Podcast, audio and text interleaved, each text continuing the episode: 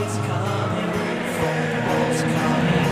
go on getting back, I'm getting back, I'm getting back, I'm getting back. It's coming,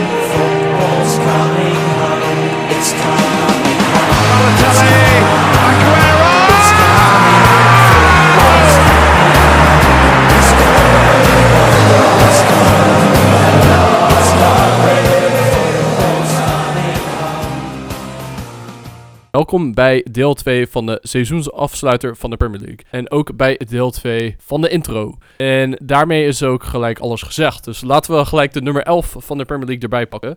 Newcastle United. Ja, dat was een ploeg die natuurlijk bijna gedegradeerd was eh, aan het begin van het seizoen leek. Maar toen kregen ze nieuwe eigenaren en toen kregen ze Eddie Howe als coach. En hadden ze een van de bizarste aankopen gemaakt. Eigenlijk twee daarvan, vind ik, voor een club die in de degradatiezone stond.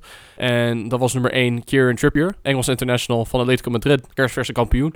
En Bruno Guimaraes, die eigenlijk bekend stond als zowat de beste middenvelder van, ehm, ja, van, de Franse competitie buiten Paris Saint-Germain. En ja, met deze twee aankopen, dat heeft echt een enorme eh, spurt uh, teweeggebracht. Waardoor Newcastle uiteindelijk elfde zijn geworden, man. Elfde. Ja, voor mij ook hadden ze het meeste aantal punten wat ooit iemand in de degradatiezone heeft gehaald in het tweede seizoen zelf. Dat had ik ergens gelezen. Dus eh, ja, enorme kudo's voor eh, Eddie Howe. Die met wel twee hele goede tools, natuurlijk die zei, eh, Trippier en uh, Guimaraes, toch wel met de rest een heel goed team gewoon solide heeft gepresteerd. Hij heeft zelfs uh, onze grote Braziliaanse vriend uh, uh, jo Jolinton aan de praat gekregen. Dus ik vind het echt enorme kudo's aan zijn adres. Ik was eerst een beetje sceptisch toen ze hem Van, hij is ook gedegradeerd met Brighton. Dat was een beetje mijn eerste gedachte. Oh, Bournemouth, sorry. Dus toen dacht ik van nou, is het wel een goede aankoop voor een degradatieteam. Maar hij heeft alle verwachtingen naar mijn mening overtroffen. Ja, ik vond, vond het ook grappig dat je, dat je zei dat hij Julien Ton aan de, aan de praat heeft gekregen. Alsof het een soort uh, robot is of, uh, of kapotte CD-speler, Walkman, weet je. nee, nee, maar ja, dat, is, dat, dat is inderdaad waar. Hij heeft, uh, was gewoon sterk. Hij heeft zelfs, volgens mij heeft hij uh, Rashford of, of zo iemand van United heeft hij een panna gegeven. Volgens mij twee keer in één wedstrijd. Dus ja, als hij dan al dat laat zien, dan, ja, dan weet je al dat, ja, dat Hou wel een beetje, een, een, beetje kan coachen. ik moet natuurlijk ook, we moeten niet houden bij die twee spelers, Guimaraes en, en Trippier. Want ze hadden natuurlijk ook Dan Burn gehaald, centraal achterin. Inderdaad, Matt Target hadden ze gehaald, Chris Wood voor, in, voor in de spits. En ja, eigenlijk uh, met al die gerichte aankopen hebben ze ervoor gezorgd dat ze het hebben overleefd. En ja, ik denk dat we eigenlijk kunnen kijken naar volgend seizoen. Want zij hebben verreweg de rijkste eigenaren van de, van de Premier League. En als ze het uh, patroon van Manchester City uh, vervolgen, dan doen zij binnen de kortste keren bovenin mee. Dus ja, ik, ik denk dat we dan eigenlijk, als we naar het over Newcastle hebben, meteen naar volgend seizoen kunnen kijken. Het einde van het seizoen. Waar gaan ze vandaag over precies een jaar eindigen in de Premier League? Oeh, dat vind ik een hele lastige vraag. Uh, volgend jaar gaan ze denk ik eindigen top 10. Maar net top 10. Link, denk, uh, onderaan linker rijtje, denk ik. Dat ze daar gaan eindigen. Dus wel gewoon... Uh, wel een paar teams als Wolves gaan ze, wel, gaan ze beter presteren. Maar ik zie ze nog niet Europees voetbal aanvallen. aanvallen. Um, dus ja, dat denk ik. Ja, het is natuurlijk een beetje vroeg om dat te zeggen, omdat er nog een transferperiode moet komen. Het kan zijn dat ze ineens een Neymar halen of zo. en dan uh, barst alle hel los. Niet dat, dat ik denk dat dat gaat gebeuren. Ja, gewoon echt een FIFA-transfer. Nee, ik had wel uh, echt een FIFA-transfer. Maar ik had wel vernomen dat ze interesse hadden in Luis Sinistera van uh, Feyenoord. Dat zou een hele interessante aankoop zijn. Maar ik denk vooral, als je even moet kijken naar de posities. Ja, ze moeten denk ik nog een extra centrale verdediger halen. Want ja, Sven Botman wilden ze halen. Dus even een Nederlander. middenveld, ja, Junior Shelby, leuke speler. maar ik denk Lord Voldemort wel een, kan worden vervangen. Om het even heel bot te zeggen. En spitswise, ja, Chris Booth, leuke aankoop. Een beetje te veel geld betaald voor een 30-jarige spits, naar mijn mening. Maar daar kan ik ook wel een, een, andere speler worden gehaald. Misschien Gabriel Jesus, die in de blauw zit van Arsenal. Dus die we nog een goed verhaal kunnen lokken. Zou het inderdaad wel een hele, hele, interessante aankoop zijn voor, uh, voor Newcastle. Ik denk dat ze een beetje in dat vijvertje moeten vissen. En Isco bijvoorbeeld, gewoon echt, die bij de, super, super, uh, bij de ex, extreme top zijn uh, mislukt. Maar dan wel naar een Premier League club willen gaan. En ja, Newcastle kan een salaris betalen. Ja, salaris kunnen ze zeker betalen. Uh, ik hoop natuurlijk niet dat ze Gabriel Jesus halen. Maar ik, ik, zou het wel uh, uh, ja, interessant vinden als zij dan ineens zulke spelers aan boord brengen. En, en ja, ik denk dat dat zeker wel gaat gebeuren. Dat er minimaal één verrassing in zit. Overigens moet ik wel zeggen dat Isco kort is met Real Betis. Dus die, die zullen ze niet halen. Maar zo'n soort, zulke namen zullen zeker eruit komen. Ik zat bijvoorbeeld ook aan een Essenzio te denken. Of bij Paris Saint-Germain misschien een Xavi Simons. Dat ze dan ook voor jeugd gaan. Dus ik ben benieuwd ja, wat er allemaal uit gaat komen. En, en ja, en daarmee eh, eh, kunnen we het vizier zetten naar volgend seizoen voor Newcastle. Nog een fun fact, wist je dat uh, Asensio uh, half Nederlands is? ja, als we het nog één keer horen, dan, dan uh, kan ik net zo goed helemaal kappen met de podcast van. Dan haken we al onze luisteraars af nadat ze dit voor de duizende keer hebben gehoord. En wil ik nog een fun fact aan toevoegen. Uh, ik tennis zelf en uh, ik tennis met de nicht van Asensio. Dus uh, daarom wilde ik even deze grap maken. Maar dan gaan we inderdaad naar de volgende. Luister ze wel naar Podcast Road. ik zal zorgen dat ze dit gaat luisteren. Dan gaan we naar nummer 12 van, ja, van de competitie. en dat is Crystal Palace. Verrassend. Ik vond ze heel sterk spelen onder Vieira. Heel leuk voetbal, wat je niet verwachtte als je het kicker bent gewend van uh, Roy Hodgson van uh, een jaar geleden. En uh, echt een paar hele leuke smaakmakers. We hebben het een paar podcasts geleden hebben het heel kort even over, over Crystal Palace gehad. Natuurlijk Edouard, leuke spits. Mateta, die het heel goed doet boven verwassingen. Olise, die ze hebben gehaald van, van Reading een paar seizoenen, een jaar geleden. En natuurlijk ook die van mij is genomineerd voor de beste, een van de jeugdspelers, Corner Gallagher van Chelsea. En ik denk echt dat als hij niet bij Chelsea gaat uh, in het planken van Tuchel, dat echt uh, Crystal Palace alles aan moet doen om hem te halen. Gewoon als ze 40 miljoen vragen, gewoon die 40 miljoen lappen ervoor, naar mijn mening. Ja, ik denk dat uh, Chelsea dat inderdaad moeten doen. Als, uh, als Palace een fors bedrag voor hem betalen, gewoon laten gaan, joh. En uh, ik las ook dat ze bijvoorbeeld Wan Bissaka dan terug willen halen. want Joel Ward is inmiddels oud geworden. Nathaniel Klein is gelijks. Tyreek Mitchell heeft Van Aanholt ja, goed opgevolgd. En natuurlijk ook overtroffen, naar mijn mening, wat hij heeft laten zien dit seizoen. En die zal alleen maar beter worden. Joachim Andersen, goede aankoop centrale verdediger, insgelijks als Mark Guijen. Dus ja, ik denk eigenlijk dat er gewoon hele goede steunpilaren bij, bij Palace staan. Maar ik, ik, moet ook wel zeggen dat we nemen op uh, na het uh, einde van het seizoen. Maar twee weken geleden was er een heel gek moment. Een overwinning van, uh, van Everton op, op Crystal Palace. op Goodison Park. Waardoor zij zich dus de handhavende. het heeft er naartoe geleid dat er spelers op het veld kwamen. En dat de hoofdtrainer van Everton, Patrick Vieira, werd aangevallen door Everton supporters. En ja, ja eerst liet hij het nog gaan. Maar na twee, drie seconden ja, sloegen alle stoppen door. En toen was het eens weer de Vieira de speler. Met de Roy Keane. Dat hij hem bij zijn keel vastpakte. Hij trapte een supporter die hem aanviel. Trapte hij ook na. En ik dacht echt van, wat zie ik nou met mijn blote ogen, weet je. Dat, dat dit gewoon eh, op de he hedendaagse voetballerij, dat dit dan gewoon nog steeds uh, gebeurt. Ik bedoel, we dachten dat de tijden van Cantona, dat hij een sporter in de tribune uh, voor zijn gezicht had, dat dat er voorbij was. Maar ja, dit, dit was echt te bizar voor woorden. Ja, ik, überhaupt, ik had er ook een tweet over gewijd op mijn eigen account. Ik vind het hele, ja, de pitch invasion is niet meer de pitch invasion zoals het was. In de zin van, de enige reden dat heel veel mensen het veld op gaan, is van of ze een shirtje kunnen krijgen of een foto met een, met een, met een speler. En ik vind het gewoon een vervelende onderbreking, uh, die pitch invasion. Ook bij, uh, bij Manchester City, dat ze heel die, die uh, doel, doel, doelen slopen. Bij AC Milan zag ik er ook eentje. Dat ze ook gewoon de Curva Suit, dus de ultras daar gewoon mensen van het veld hebben afgeslagen. Zijn eigen supporters in elkaar hebben geslagen, omdat ze niet van het veld wilden gaan, de, supporters. Dus ik vind het wel in zelf een hele hinderlijke onderbreking, de, de pitch invasions. En ja, stop ermee. Nee, uh, ja, wat je zegt, ik, uh, ik, ik, denk ook dat dat misschien ook wel tot het verleden moet behoren. Maar ik denk dat corona bepaalde mensen, dus we, wat wij in de coronatijd meemaakten, bepaalde mensen ook een beetje gek heeft gemaakt. En dan hebben zij zo'n gevoel van, ja, wat als voetbal ons weer wordt ontnomen. Dus dan lijkt het alsof ze gewoon een kans willen pakken. In de 5 uh, sec 10 seconds of fame noemen ze dat volgens mij. Dus ze dat gewoon ja, even, even laten zien van, ik heb nu de kans om dit te doen, dus ik ga het doen. Ook al is het dan misschien niet ja, verstandig. En dit leidt tot deze hele bizarre situaties. Eigenlijk begon het al, volgens mij ook in een uh, wedstrijd van Everton of Crystal Palace, dat een supporter op het veld uh, kwam en zijn nek, uh, zijn keel vastbond met een plastic touwtje aan de, aan de, aan de paal van, van, van een van de doelen. En ja, dat was voor mij, qua pitch invasions, eigenlijk waar het dit seizoen een beetje begon. En dat is dan opgestapeld naar wat wij nu zien. Dus hopelijk komt er volgend seizoen een einde aan. En dat het in ieder geval blijft bij, ja, bij de gekke momenten die wij in de ja, slotfase van dit seizoen hebben gezien. Ja, ik, uh, ja, ik denk we moeten niet, niet veel aandacht aan schenken, aangezien het, uh, ja, helaas, uh, ja, wat ik zei, ik ben, er, ik ben er zelf geen fan van. Chris Palace zelf, ja, ik denk dat je inderdaad zijn een paar spelers moeten doorselecteren. Ze hebben inderdaad überhaupt al een verjongingsslag gemaakt.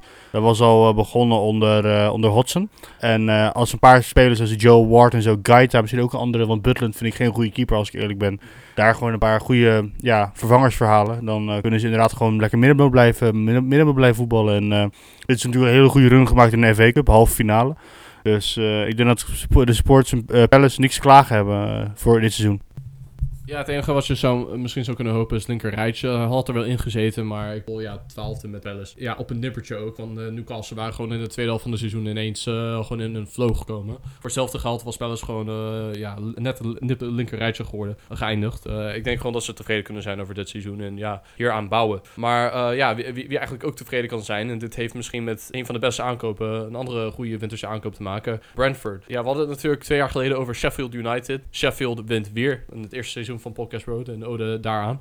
Uh, maar ja, die waren het seizoen daarna gedegradeerd. Leeds United natuurlijk ijzersterk onder Bielsa vorig seizoen. Mooi uh, attractief voetbal. Ze hebben het dan op een nippertje gered dit seizoen. Maar ja, dat uh, zag er ook heel somber in voor hun. een van de meeste tegendoelpunten van het seizoen. Op, ja, drie na meeste tegendoelpunten met... nee, twee na meeste, sorry. Meer, meer, zelfs meer geïncasseerd dan Watford. Dus ze, kwamen met de hakken over de sloot dan over de eindstreep. Maar ja, Brentford, super ijzersterk gespeeld dit seizoen. kwam eigenlijk al voordat Eriksen werd gehaald. Ivan Tony uh, is echt een doelpunt assist machine. Een soort uh, mini Harry Kane zou je kunnen zeggen. Qua wat hij laat zien, qua speelstijl. En um, ja, ik was echt uh, onder de indruk van Brentford. wat mij nog het meeste is bijgebleven is die wedstrijd tegen Liverpool. 3-3 op ja, de community stadion van, van Brentford de eerder in het begin van het seizoen. En ik denk dat ze toen wel echt een tanden hebben laten zien. En, en ja, dat biedt ook wel mooi perspectief voor volgend seizoen. Maar zoals ik al zei, als je verrast wordt door een promovendus, dan kan het zijn dat zij het volgende seizoen, uh, ja, dat, ploegen dat doorhebben. En dat ze dan meteen uh, ja, terug beginnen te slaan. En dat dat misschien tot een degradatie kan leiden. Maar denk jij dat dit er echt in zit bij Brentford? Nou, ik heb Brentford het seizoen niet heel extreem uh, hard gevolgd. Ik weet wel dat ze, die Norgard heel goed is. En die keeper Raya is een hele goede keeper. en Tony, die al noemde, is een hele, hele best wel dodelijke spits. Ja, en ik ben benieuwd uh, wie er blijven en wie er gaan. Eriksen, natuurlijk ook wel een belangrijke, ja, semi-belangrijke kracht geweest uh, tweede seizoenshelft uh, bij, bij Brentford. Dus ik ben benieuwd ja, hoe de aankopen en verkopen gaat zijn. Dat dat cruciaal is voor, ja, voor verder verloop van Brentford volgend seizoen. Ehm, dus ja, dat denk ik. Ja, dus ik, uh, ik ben benieuwd of ze zich weten te handhaven en de, ja, deze goede ontwikkeling doorzetten naar volgend seizoen. Maar ja, wat me wel verbaast moet ik zeggen, is dat ik de ploeg ja, meteen met een schijn oog naar de nummer 14 kijk. En dat is dan toch Aston Villa. Ja, ik bedoel, wij hadden dan vorig seizoen, na dat ijzersterk seizoen, gedacht dat zij echt mee zouden doen om Europese plekken. Na het halen van Steven Gerrard dachten wij ook dat dat, ja, in het begin dat ze een mooi attractief voetbal speelden. En dan met het halen van Coutinho, ja, een, eh, een paar andere namen, dat, uh, dat er toch voor zou zorgen dat ze weer mee zouden doen om de Europese uh, plekken. En dat Boindia ineens weer in vorm beginnen te raken. Uh, hadden ze gehaald van, van Everton. Maar toch zijn zij veertiende geëindigd. En ja, ja ik, echt, ik sta mijn mond vol tanden dat ze daar staan. Ik bedoel, ja, hoe, hoe bestaat het? Wat is de reden dat ze daar staan? Hoe, hoe, hoe is het überhaupt ja, gelopen? Ik vond natuurlijk Everton iets, uh, Aston Villa iets meer op de voet. Ik ben wel fan uh, van uh, Aston Villa aan het worden. als je natuurlijk kijkt, twee seizoenen geleden, het coronajaar, toen zijn ze eigenlijk door een spookgoal zijn ze in de Premier League gebleven. Een goal die onterecht niet was toegekend aan Sheffield. toen zijn ze in de Premier League gebleven. Het jaar daarna, toen ehm, ja, hebben ze heel goed gespeeld onder, onder die trainer, die nu bij Norwich. Dean Smith zijn ze, zijn ze heel goed gaan voetballen. toen hadden ze echt middenmoot gehaald. En toen had iedereen van, nou, met die gerichte aankopen die ze nu doen. Want ze hadden natuurlijk uh, verkocht voor een uh, recordbedrag aan, uh, aan uh, City. Dat ze er wel mee zouden doen. Maar ik heb het gevoel dat heel veel van die recordaankopen, die topaankopen die ze hebben gedaan, niet heel erg geworden zijn zoals, ja, zoals werd verwacht. Een paar natuurlijk wel. De, de een beetje denken aan toen Tottenham Garrett Bill verkocht. Weet je, toen hadden ze ook heel veel Soldado, Eriksen en zo. En heel veel spelers daarvan waren niet geslaagd zeg maar, bij, bij Tottenham. En dat gevoel kreeg ik een beetje bij, uh, bij Aston Villa nu. Van, ze hebben hele goede aankopen gedaan op papier.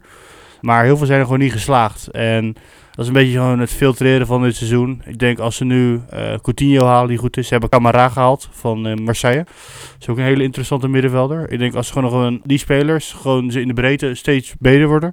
Dan kunnen ze ook gewoon een paar blessures opvangen. Dan kunnen ze volgend jaar wel gewoon linkerrijtje eerst sowieso top 10 zitten. Want als je al mij had gevraagd, uh, zonder de stand te kijken, waar zat Aston Villa? Al gezegd zevende. Gewoon ook gedacht van linkerrijtje. En nu zijn ze gewoon veertiende. Dus ja, onder Steven Gerrard is het gewoon heel wisselvallig. Ze hadden echt een, een uh, topstart. Maar best wel wisselvallig gaan. Best wel wat blessures ook gehad volgens mij. Dus ja, het moet hopelijk volgend jaar het moet wel beter gaan onder Gerrard. Je natuurlijk een hot take over Erling Haaland, dat hij, eh, dat hij het eh, lastig gaat hebben volgend seizoen, of überhaupt bij City. Ik heb een hot take. Tyrone Mings moet ze vervangen. Dat is natuurlijk een van de, de meeste mensen zouden zeggen, een van de steunpilaren bij, bij Aston Villa, een van de leiders. Maar je- echt, als ik hem zie spelen, dan denk ik echt van, ja, hij, hij maakt echt eh, op eh, belangrijke momenten cruciale fouten. Hij wordt heel makkelijk uit zijn positie gelokt. En hij is ook iemand die je dan, bij- waarbij de stoppen iets te snel doorslaan. Dus ik, ik vind dat ook voor een leider in het elftal iemand die een dragende speler hoort te zijn achterin en ook de verdediging solide moet houden. Ik vind hem soms een beetje een liability. Dus ik, ik denk dat zij dan eigenlijk, als ze echt die stap willen maken, minder tegengoals incasseren, dat ze erover moeten nadenken om hem te vervangen. En dit is mijn hot take. Eh, ook wil ik als laatste nog zeggen dat ze gelinkt werden en verband werden gebracht met Calvin Phillips. Eh, toen het er naar uitzag dat Leeds zouden degraderen. Ik weet niet of dat nu nog steeds eh, door zal gaan. Maar ze kunnen naast een Camara, kunnen ze misschien een Calvin Phillips halen met Coutinho daarvoor. En een McGinn heb je natuurlijk ook in de selectie. En dan, ja, dan heb je echt heel, heel veel goede keuzes. Ja, wat je zegt. ehm, ik denk als McGinn weggaat, dat ze naar Calvin Phillips gaan doorschakelen. Ik zie McGinn ook wel een stap maken. Hij is echt wel de smaakmaker geweest dit seizoen. Natuurlijk vorig seizoen was het McGinn en Grealish die samen heel sterk waren. Ook gewoon vrienden waren die samen buiten het veld. Ehm, maar je moet ook onthouden dat ze Jacob Ramsey hebben. Die eh, is van maar 18 jaar en die is ook wel heel sterk dit seizoen. eh, heeft hij heel veel minuten gemaakt. En ehm, ja, Ollie Watkins eh, ben ik ook wel eh gecharmeerd van. Maar eerste seizoen was hij veel beter dan vorig seizoen. Inks onzichtbaar naar mijn mening. En Bailey ook hetzelfde. Ook heel onzichtbaar. Dus ik had daar wel meer van verwacht. En hopelijk kunnen die volgend seizoen meer doen. En laatst die ik wil benoemen, die ook een goed tweede seizoen heeft gedaan. Callum Chambers. Ja, dat eh, gun ik hem ook wel. Want bij Arsenal had hij niet echt perspectief erop. Er was natuurlijk een keuze tussen of het behouden van Chambers of van Holding. Eh, en ik denk dat ze wel de juiste keuze hebben gemaakt. Ook al heeft Holding en die uh, North London Derby dan eh, eh, niet goed laten zien. Maar eh, ja, Chambers gun ik wel gewoon een mooie carrière bij Villa. Het is een speler die absoluut eh, bij een Premier League club hoort te spelen. Maar niet bij een club die aspiraties heeft voor top 4. Dus ik denk dat Villa ook wel ja, gewoon een beetje zijn niveau is. En dan eh, komt hij daar wel goed tot zijn, tot zijn recht. En ja, wat je zei over een beetje een Spurs post... Gareth Bale. Uh, ik, ik, ik, vind, ik zie dat inderdaad ook terug. En Buendia was de beste middenvelder van de Championship. Heeft het gewoon niet laten zien uh, bij Villa en Bailey. Daar had ik echt superveel van verwacht. Volgens mij dacht ik ook aan het begin van het se seizoen, wat jij over Lukaku zei, dat hij echt de smaakmaker zou zijn van de zomerse aankopen. Heeft hij eigenlijk niks van laten zien. En um, ja, Inks was natuurlijk ijzersterk bij Southampton. Uh, voordat hij naar Liverpool ging, ook bij Burnley. En uh, ja, dit, ja, wat hij heeft laten zien. Dan denk je echt van, waarom hebben ze nou in godsnaam zoveel geld aan hem uitgegeven? Terwijl ze al Ollie Watkins hadden. Dus qua beleid denk ik dat er nog uh, meer... ja, dat ze daar een beetje steek hebben laten vallen. En dat ze daar ja, wat aandachtiger naar moeten kijken. Maar zeker in bepaalde momenten hebben Villa laten zien... dat ze wel hoger, de potentie hebben om hoger te eindigen dan 14. En dat vind ik misschien ook wel van, als je toch over vlagen hebt, en met vlagen goed hebt. Uh, kijk naar de ploeg die onder staat. Southampton zijn 15e geworden onder Ralf Hasenhoetel. Natuurlijk niet een ijzersterke selectie op papier, maar wat ze wel in bepaalde wedstrijden hebben laten zien is wel veelbelovend. Uh, natuurlijk uh, goede resultaten neergezet tegen Manchester United, uh, gewonnen van Spurs uit en ook gewonnen van Arsenal thuis. En ja, ik bedoel, ja, het is gewoon echt een momentenploeg. Hè? Ze kunnen de ene week fantastisch zijn en de andere week dan misschien matig en dan kan het ineens zo zijn dat ze gewoon met 9-0 verliezen. Ik bedoel, je weet gewoon nooit wat, ze, wat je krijgt met een Hazelhoetel elftal. En uh, ja, dat, dat zo onstabiel. Dan kan je gewoon niet hoger eindigen dan 15. Ja, ik wil wel een honorable mention aan Hazelhoetel. Ze hebben dit seizoen niet met een meer dan 5-0 verloren. Dus uh, dat is wel positief op zijn konto. En uh, ja, ze hadden ook een beetje in een rebuild fase. Ze hebben spelers als Inks en zo zijn weggegaan. Uh, die Deen is naar Westergaard, is naar, naar, naar Leicester gegaan. Nou, het geld is best wel goed geïnvesteerd naar mijn mening. Ze hebben Livramento gehaald. Die is echt een hele goede aankoop van Chelsea. Uh, Salisu natuurlijk. Die, ja, die centrale verdediger die ze hebben gehaald van Real Valladolid.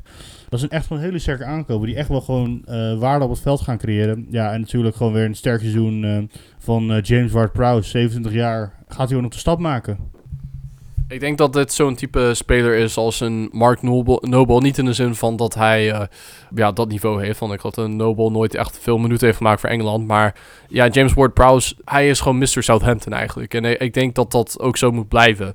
Hij zou eventueel ook voor een ja, grotere club kunnen spelen. Maar ja, dan krijg je weer zo'n scenario van... Uh, gaat hij dan in zo'n ja, positie belanden als een Danny Ings bij een, bij een Villa, weet je? Dat hij dat dan toch niet echt het rendement levert wat je dan van verwacht bij een Southampton. Dus bijvoorbeeld als een, als een eh, Ward Prowse dan naar ja, Le- Leicester zou gaan of naar, ja, als we dan iets hoger uh, te boven kijken, en West Ham, gaat, gaat hij ook hetzelfde laten zien. Want daar is hij dan een van de goede middenvelders, maar niet meteen de beste. Ik bedoel, hij, hij valt niet zo op eh, eh, naast een Ndidi of naast een eh, Declan Rice, maar dat doet hij wel naast een Oriel Romeo of een soortgelijke middenvelder. Maar uh, wist je nog de periode, die gouden generatie van Southampton met uh, Shaw, Chambers, Lallana um, en natuurlijk uh, Ward Prowse. Ricky Lambert. Ricky Lambert. Oh ja, die was nu wel zo oud toen, hè. Maar gewoon even die... Er waren een beetje jeugdspelers van Southampton. Denk je dat Lallana toen beter was dan Ward Prowse of niet? Ja, dat denk ik wel. Lallana, uh, dat weten misschien de meeste mensen niet, maar Lallana werd toen verkozen in het elftal van het seizoen. Uh, van het jaar voordat hij naar Liverpool ging. Uh, hij was gewoon beter dan bijvoorbeeld een Yaya Touré of zo dat seizoen. Uh, volgens uh, de stemmers, dus volgens de spelers, die, die kiezen natuurlijk wie erin komt. Maar ja, ik bedoel, Lallana heeft, laten we niet onderschatten, gewoon echt heel veel laten zien dat seizoen. Dus hij was ook gewoon echt een topspeler. Ik denk dat Jack Grealish misschien in een vergelijkbare situatie was in zijn laatste seizoen of laatste seizoenen bij Villa. Maar in Ward Prowse is misschien net een niveautje daaronder. En ik denk soms dat, ja, het is natuurlijk echt een topspeler daar bij, bij Southampton. Maar ik denk soms dat, zeg maar, de waarde die hij heeft, of hoe, mensen, hoe hoog mensen hem hebben zitten. Het komt door hoe goed hij is in het nemen van vrije trappen. En dat maskeert soms misschien wel tekortkomingen in zijn spel. Ja, en sowieso is een Engelsman. Dus je voor Newcastle, stel je voor Ten Hag zeg ik wil hem halen. Dan moet je sowieso 70 mil plus, 70 plus betalen. Uh, omdat het gewoon puur een Engelsman is. Goede staat van dienst. Dus ja, hij is een beetje onhaalbaar geworden. Gewoon door zijn staat van dienst bij Southampton. Dan gaan we denk ik naar de volgende club. Dat is wel een uh, club wat echt een rollercoaster heeft meegemaakt. Dan hebben we het ook over Everton. We hebben net al kort gehad over de pitch invasion. Na de bizarre, bizarre comeback van uh, 3-2. Ik volgde Everton wel een beetje meer. Het laatste deel van de competitie. Ik was benieuwd hoe Frank Lampard, voormalig Derby County trainer en Chelsea trainer, het zou uh, doen bij, uh, ja, zou doen bij Everton. Best wel slecht naar mijn mening. Uh, want ze hadden al iets van 36 punten onder Rafa Benitez. Dus nou, 36 punten is van 30 punten. Dus ja, hij heeft best wel weinig punten gehaald, maar wel cruciale punten. Dus hoe zou jij, uh, wat voor cijfer zou jij Lampard geven om bij Everton? Pff, ja, ik zou zeggen een 6. Als hij was gedegradeerd een 5. Ik, ik vind dat hij de nieuwe aankopen die hij heeft gedaan... Van de Beek was natuurlijk vaak gebaseerd. Maar in Delhi Alley... Die, ja, die hebben het toch niet echt la uh, laten zien onder hem. En ik, ik vraag me ook soms af een beetje zijn tactieken. Vooral verdedigend en verdedigend opzicht. wat, wat het idee daarachter is. Dat, dat zag ik ook bij Chelsea terug. Dus ik vind wel dat hij inderdaad in bepaalde cruciale wedstrijden, zoals tegen uh, Palace, toen ze op eigen veld moesten winnen, dat hij dan net op de juiste momenten dan uh, een paar, paar tactische wijzigingen, wisselingen had doorgevoerd, die het dan net over de streep trokken. Maar ik, ik heb toch wel mijn twijfels op een lange termijn voor Lampard. Dus ik, ik moet zeggen, ik, ben, ik zal wel verbaasd zijn als hij volgend seizoen uh, het seizoen afmaakt.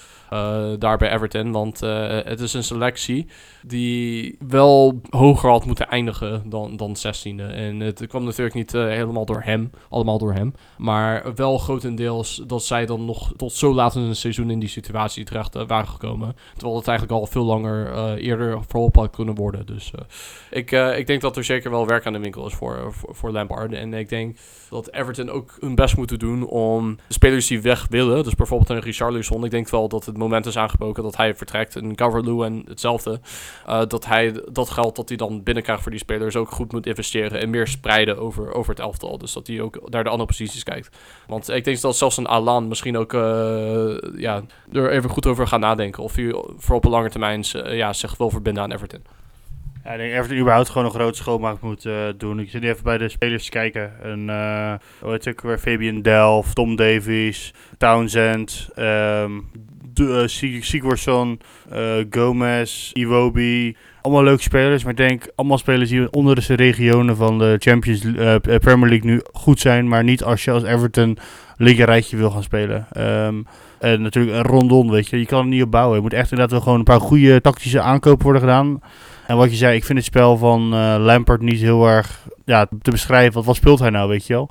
En ik denk als hij wel een tactiek in zijn hoofd heeft en daar spelers voor krijgt, ben ik ook benieuwd hoe dat volgend seizoen gaat zijn. Ik denk dat volgend seizoen echt een do or die is voor Everton. Nou ja, dat hij eh, spelers kreeg eh, en ja, gesteund werd door de eigenaar, dat eh, liet hij bij Chelsea zien. Toen ging hij met heel veel nieuwe spelers, en Havertz en Werner en Ziyech en dergelijke, ging hij dan ineens een octagon for- formatie spelen, wat natuurlijk super bizar is op het veld. Maar ja, dat hij met die bizarre ideeën komt die gewoon in de praktijk dan niet rendabel zijn. Dus dat hij dan zulke dingen experimenteert. Dus ik heb mijn twijfels. Maar wat je zei over de selectie van Everton klopt. Want als je echt kijkt gewoon speler voor speler. Je hebt dan Iwobi, een Arsenal flop. Je hebt André Gomez, een Barcelona flop. Je hebt Jerry Mina, een ook een Barcelona flop. Je hebt Michael Keane, die kwam natuurlijk van Burnley. Maar oorspronkelijk was dat ook een Manchester United flop. En Dele Alli was misschien niet een flop bij Spurs. Maar die is door zijn gedrag is hij dan ineens heel hard bergafwaarts gegaan. Dus zij moeten wel echt inderdaad meer spelers halen als Anthony Gordon. Dat was een goede aankoop, oprecht.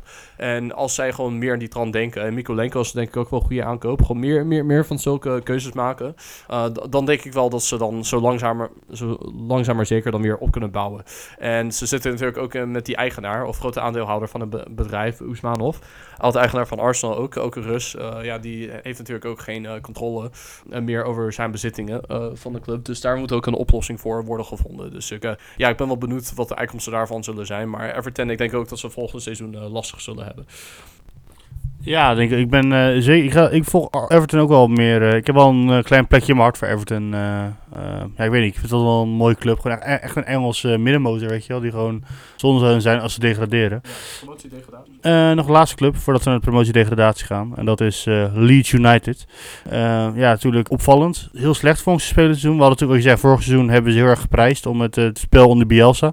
Maar Bielsa is natuurlijk halverwege het seizoen ontslagen. Naar mijn mening best wel zonde. Jesse March heeft overgenomen de flop van Leipzig uit de, uit de Red Bull School. Dus wel een, tactisch, een tactisch meesterbrein zou die moeten zijn. Maar hij heeft ze wel uh, erin gehouden. En uh, ja, hoe? Ik was wel blij. Ik gun Leeds wel. ik heb liever Leeds zeg maar, in de Premier League dan Burnley. No offense naar alle Burnley fans. Maar... Als die dus zijn. hey, niks tegen Burnley, hè. Ja, um, maar ja, gewoon heel erg geteisterd door blessures dit seizoen. Um, maar uiteindelijk toch wel over de streep kunnen trekken. Ja, ik weet niet wat ik er meer over kan vertellen over Leeds. Ja, ik bedoel, ik vond het onder Bielsa echt een genot om naar te kijken. Maar ik denk ook dat ze dit seizoen ook best wel veel pech hadden. Uh, Pascal Strijk was lang geblesseerd. Uh, natuurlijk uh, de twee ergste blessures die ze konden hebben. Kelvin Phillips was voor ongeveer het helft van de seizoen. de helft van de seizoen geblesseerd. En dan had je natuurlijk ook Patrick Bamford. Natuurlijk vorig seizoen ijzersterk, veel goals gemaakt belangrijke goals, ook in grote wedstrijden. En ja, die was ook gewoon heel lang weggevallen. En Rafinha heeft ook door veel gele kaarten te pakken ook spierblessures, door omdat hij te veel ging, zich te veel inzetten, uh, heeft hij ook een aantal belangrijke wedstrijden gemist. Dus ik, ik denk gewoon dat, dat dat Leeds had belemmerd. Ik denk ook niet dat ze zo slecht waren als ze wat ze lieten zien. Maar echt het probleem was de tegengoals. Ik bedoel, en, en Robin Koch heeft eigenlijk, eigenlijk gewoon helemaal niks laten zien. Na zijn overstap van, uh, van Freiburg uh, twee jaar geleden. Um, ja, ja hoe heet die andere uh, verdediger ook weer, Jorente. Ben ik wel, vind ik wel een, matige verdediger, weet je. Maar dat is ook niet echt iemand waar je dan verder op kan bouwen. En ja, dan heb je Luke Ealing, is eigenlijk ook een back die dan centraal achterin staat. Liam Cooper, ja, was wel upper championship niveau speler. Maar niet, niet echt dat je denkt van de Premier League uh, uh, is wat hij aan kan. Junior Firpo heeft niet echt het waargemaakt. Liet hij ook niet zien bij Barcelona. Maar ik, ik had toch in de Premier League iets meer van hem verwacht. En Stuart Dallas ben ik wel een fan van. Maar zelfs bij hem dacht ik van vorig seizoen was hij sterker dan nu. Dus heel veel spelers die vorig seizoen goed waren, lieten dit seizoen niet zien. En ja, blessures hebben, net zoals bij Chelsea, uh, blessures op ongunstige momenten hebben ervoor gezorgd dat ze dan uh, minder speelden. En dat ze erin zijn gebleven, vind ik vanuit een voetbalperspectief mooi. Maar als je kijkt naar zoveel, hoeveel tegengoals ze hebben, ene meeste van de Premier League, dan is dat ook niet echt acceptabel. Nee, eens. En oh ja, eentje aan dat rijtje toevoegen is Jack Harrison. Uh, in het systeem van, uh, van Bielsa vond ik een van de meest uh, opvallende vleugelspelers. Maar dit seizoen ook heel, ja, heel onzichtbaar. Ik ben benieuwd, Jesse March, wat voor spelers hij gaat halen en de, de, de, de, tactiek die gaat inslijpen. Het project Red Bull Leipzig is al mislukt. Er was heel erg positief over hem uh, gesproken. Ik weet nog, bij Salzburg hadden ze bijna van Liverpool, als ze 3-3 gespeeld hebben tegen Liverpool.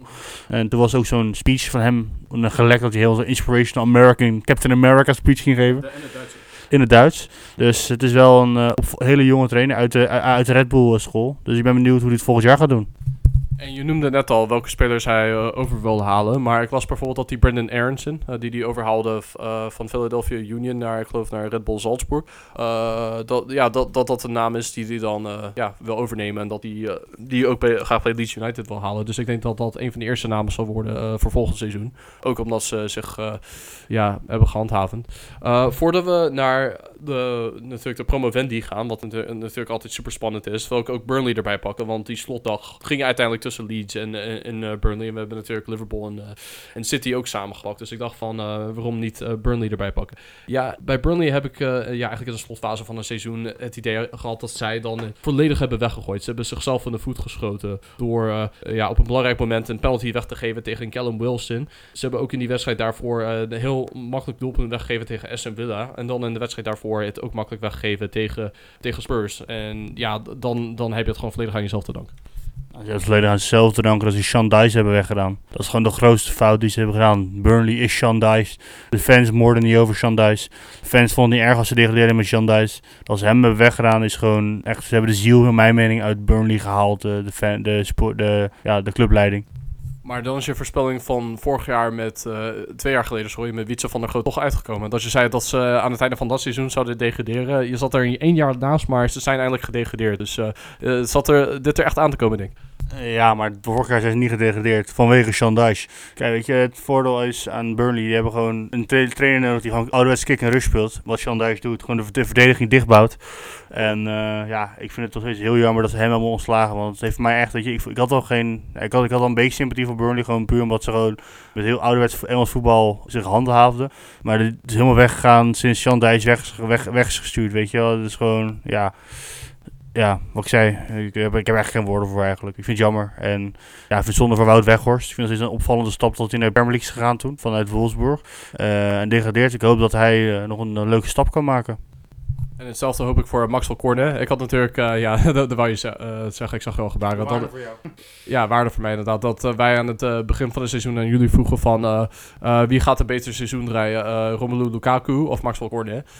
en Maxwell Corne heeft natuurlijk uiteindelijk dan qua rendement dan meer opgeleverd voor wat zij voor hem hebben betaald, maar wel gedegradeerd. Maar ik denk dat Weghorst en Corne en misschien ook Dwight McNeil de drie namen zijn die weggaan. Tarkowski is al bekend dat hij naar West Ham gaat, dus die, die speelt ook in de Premier League. En ik denk ook Nick Pope dat hij dan handhaven. Maar wat je zei, Sean Dyche, absoluut zonde dat hij daar weg is. Maar zijn nieuwe club is ook bekend. Die wordt volgend seizoen weer trainer van Watford. Waar hij dan voordat hij naar Burnley ging al trainer van was. En ik denk dat we dan ook gelijk Watford en Norwich erbij kunnen pakken. Natuurlijk al lang gedegradeerd. Maar meteen met het bruggetje naar de promovendi. Dus uh, clubs die al zeker zijn van promotie zijn de kampioen van de Championship Fulham.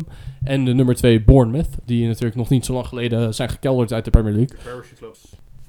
Ja, dan hebben ze in Engeland een uh, mooie betekenis voor de parachute clubs. Want als jij uh, degradeert uit de Premier League, krijg je nog wel een hele goede fee van voor mij 50 miljoen. Als je goed hebt, en je hebt natuurlijk tot seizoen voor 100 miljoen gehad. Dus je hebt sowieso een voorsprong op uh, andere clubs. Daarom vind ik het ook mooi dat een Luton Town in de Championship gaat even kijken. We nemen het zelfs op op dinsdag 25 mei. Dus de finale van de, de finale tussen Huddersfield Town en Nottingham Forest is over vijf dagen op Wembley. Dus de uitslag weten jullie waarschijnlijk al als dit uh, online staat.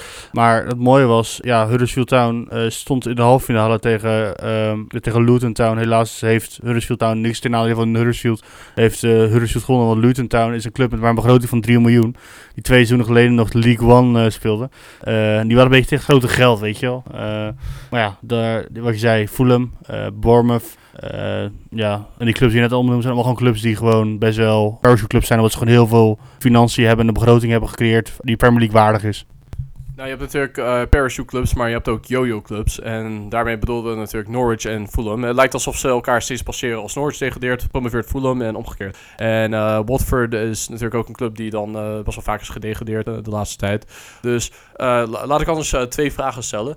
Welke van de clubs die nu gedegradeerd zijn, dus Burnley, in Norwich en in, en in Watford, welke van die drie promoveert als eerste? Ehm, ik denk Watford. Die hebben best wel gewoon heel lang Premier League gespeeld. Die zie ik nog wel eh, met een paar. Die, zie- die zie ik nog wel spelers houden. En dan weer gewoon een solide basis maken. Waardoor ze gewoon weer in de Premier League komen. Eh, Norwich. Ik weet niet. Ik heb het gevoel dat best wel veel oudere spelers. Als Timo Pukki en zo. Echt wel op een retour zijn. Tim Krul natuurlijk ook. En daardoor gewoon dat ze echt opnieuw moeten gaan opbouwen. En ze hadden best wel veel huur- huurspelers ook. Weet je wel. Dus denk dat eh, Norwich echt wel. Langer gaat, eh, nodig gaat hebben om, eh, ja, om weer te promoveren. En bij Burnley heb ik een beetje bang dat het een beetje een, eh, een eh, Sunderland scenario gaat worden. En dat ze gewoon echt gelijk ook nog volgens hun heel gaan krijgen in de championship. Ja, om eh, nog even in te haken op eh, Norwich. eh, Max Aarons staat natuurlijk in de belangstelling van heel veel clubs. Die bleef al de vorige keer dat ze gedegradeerd waren bij Norwich. Omdat ze natuurlijk een budget hadden, een goede trainer. Dat ze dan weer gepromoveerd waren. Maar wat je zei, ik denk inderdaad dat dat een slechte scenario is voor je. Dus ik, ik ga met je mee. Watford gaat als eerste promoveren. Ik denk volgend seizoen al. En ja, Burnley, inderdaad wat je zei, Sunderland scenario. Niet alleen omdat spelers weggaan, maar ze hebben ook financiële problemen. Dus ik, ik denk echt dat er ja, dat, dat- dat het misschien niet zo erg is als ze meteen degraderen vanuit de championship. Maar wel dat ze dan in de middenboot zijn. Of een beetje meer richting eh, Sheffield, waar zij zijn geëindigd. Volgens mij 14 of 15 en 16. Dus eh, da- daar zit het een beetje in voor ze. Eh, en dan kan ik dan doorpakken met mijn andere vraag. Welke van de clubs die gepromoveerd zijn, gaat, gaan als eerste degraderen? Dus een Fulham en een, eh, en een Bournemouth. Welke van die twee gaat er als eerste uit, denk ik? Ehm, van die twee, ik vind het lastig man. Ehm, ik weet bij Fulham dat ze wel echt wel een leuke basis hebben gelegd weer. Alles vorige keer ook. En die 100 miljoen, die is toen die 100 miljoen challenge die we toen noemden.